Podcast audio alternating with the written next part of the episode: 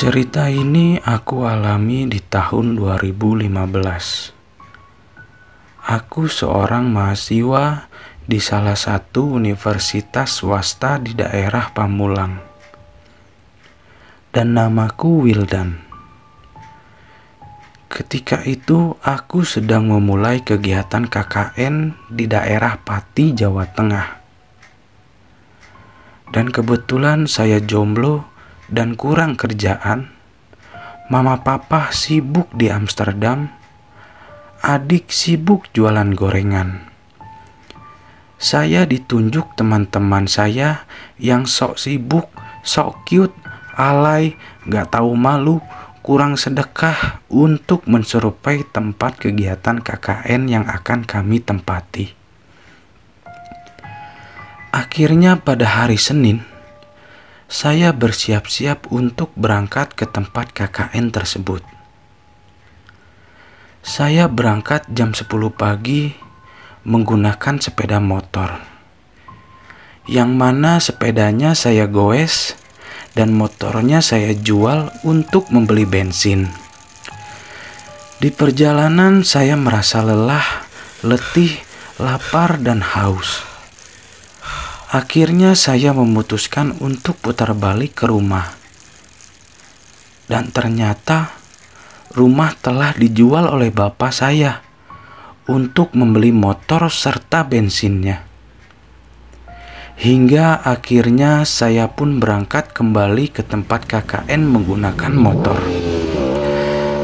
Di tengah perjalanan saya tergelincir yang diakibatkan supir truk di depan saya membuang ludah yang mengenai tepat di mata saya.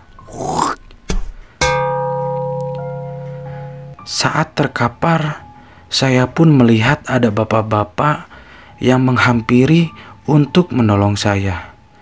Lalu mengecup kening saya sambil berkata, "Good night, Jang."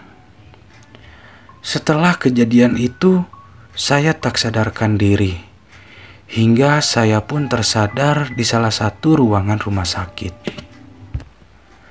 Lalu seorang suster menghampiri saya dengan tatapan kosong.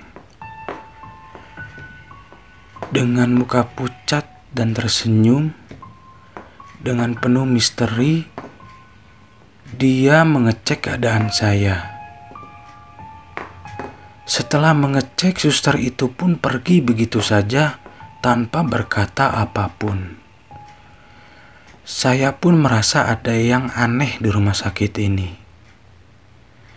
Ketika malam hari, saya terbangun dari tidur karena saya mendengar suara bising di ruangan sebelah. Saya pun penasaran dan keluar untuk melihat. Ketika saya melihat ke ruangan itu, ternyata di ruangan itu ada kakek-kakek dan nenek-nenek yang sedang dimabuk asmara.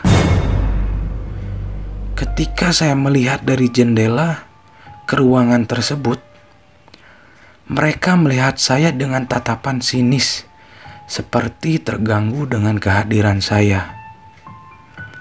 Saya pun merasa tidak enak dan langsung pergi ke toilet karena tidak kuat menahan ingin buang air kecil. Ketika di toilet buang air kecil, saya merasakan bulu kuduk saya merinding. Dan saat itu saya merasakan seperti ada rambut yang menyentuh telinga saya. Seketika saya pun langsung melihat ke atas. Dan benar saja, itu adalah rambut suster yang tadi. Dan dia menempel di langit-langit toilet sambil tersenyum. Dan aku pun senyum balik biar sopan. Kira-kira sekitar 30 menit kami beradu senyum. Saya pun berlari ke ruangan. Ternyata suster itu telah berada di ruangan saya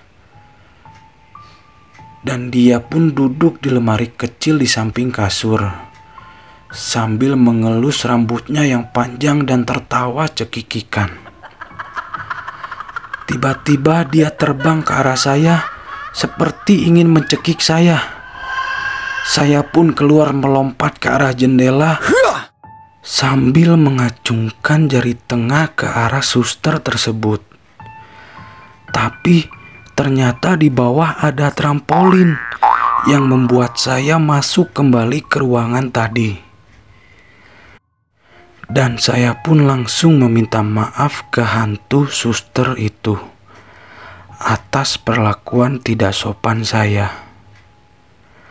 Akhirnya suster itu mengantar ke pintu keluar rumah sakit. Saya pun berjalan keluar, lalu bertemu dengan Hansif. Dan saya menceritakan apa yang terjadi kepada Hansip itu. Dan saya terkejut dengan apa yang Hansip itu ceritakan ke saya. Bahwa rumah sakit itu sudah lama terbengkalai tidak digunakan kembali dengan waktu yang sangat lama. Sekian.